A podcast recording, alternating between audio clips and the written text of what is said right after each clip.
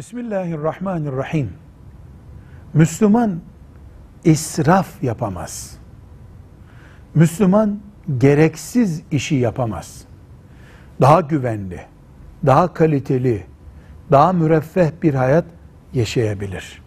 Daha lüks bir hayat yaşayabilir. Ama iki şeye dikkat eder.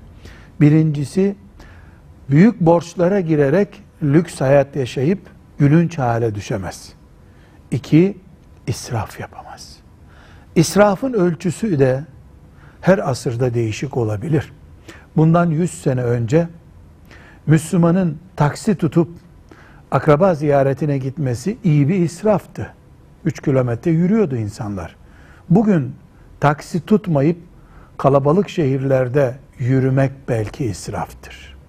Bu dengeyi herkes imanına göre sağlayacak, takvasına göre ortaya koyacaktır.